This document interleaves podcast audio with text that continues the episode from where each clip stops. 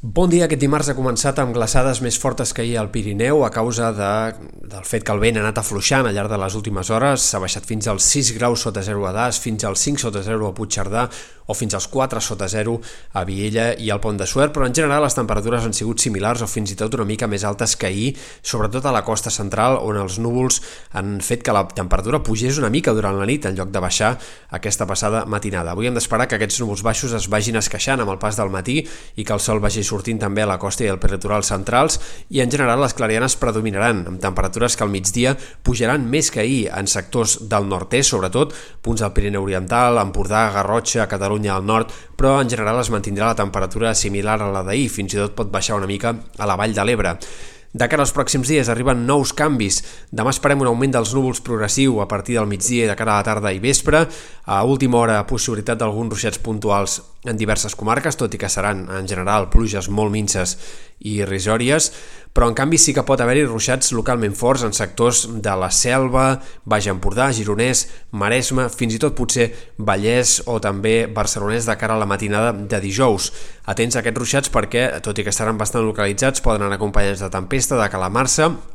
uns ruixats que també arribaran de matinada o primeres hores de dijous a Menorca, nord de Mallorca, amb intensitat i igualment acompanyats de tempesta o de possibilitat de calamarsades. També haurem... També haurem d'estar pendents de noves nevades al Pirineu, en aquest cas concentrades sobretot al vessant nord de cara a dijous, amb acumulacions que poden superar els 20 centímetres a les cotes altes de la Serlada i a les cotes baixes de la Vall d'Aran, nord del Pallars, Principat d'Andorra, també hi pot tornar a nevar amb ganes durant el dijous. De fet, l'escenari de el vent serà un altre dels factors a tenir en compte en aquest canvi de temps, sobretot dijous i divendres, o moments en els quals les ratxes poden ser fins i tot més fortes que les del cap de setmana, ratxes de 90-100 km per hora en sectors de l'Empordà, cims del Pirineu, també a les Terres de l'Ebre i de cara a últimes hores de dijous, divendres també en sectors del Camp de Tarragona, altres comarques del Ter Sud, el vent pot tornar a ser fort en alguns moments.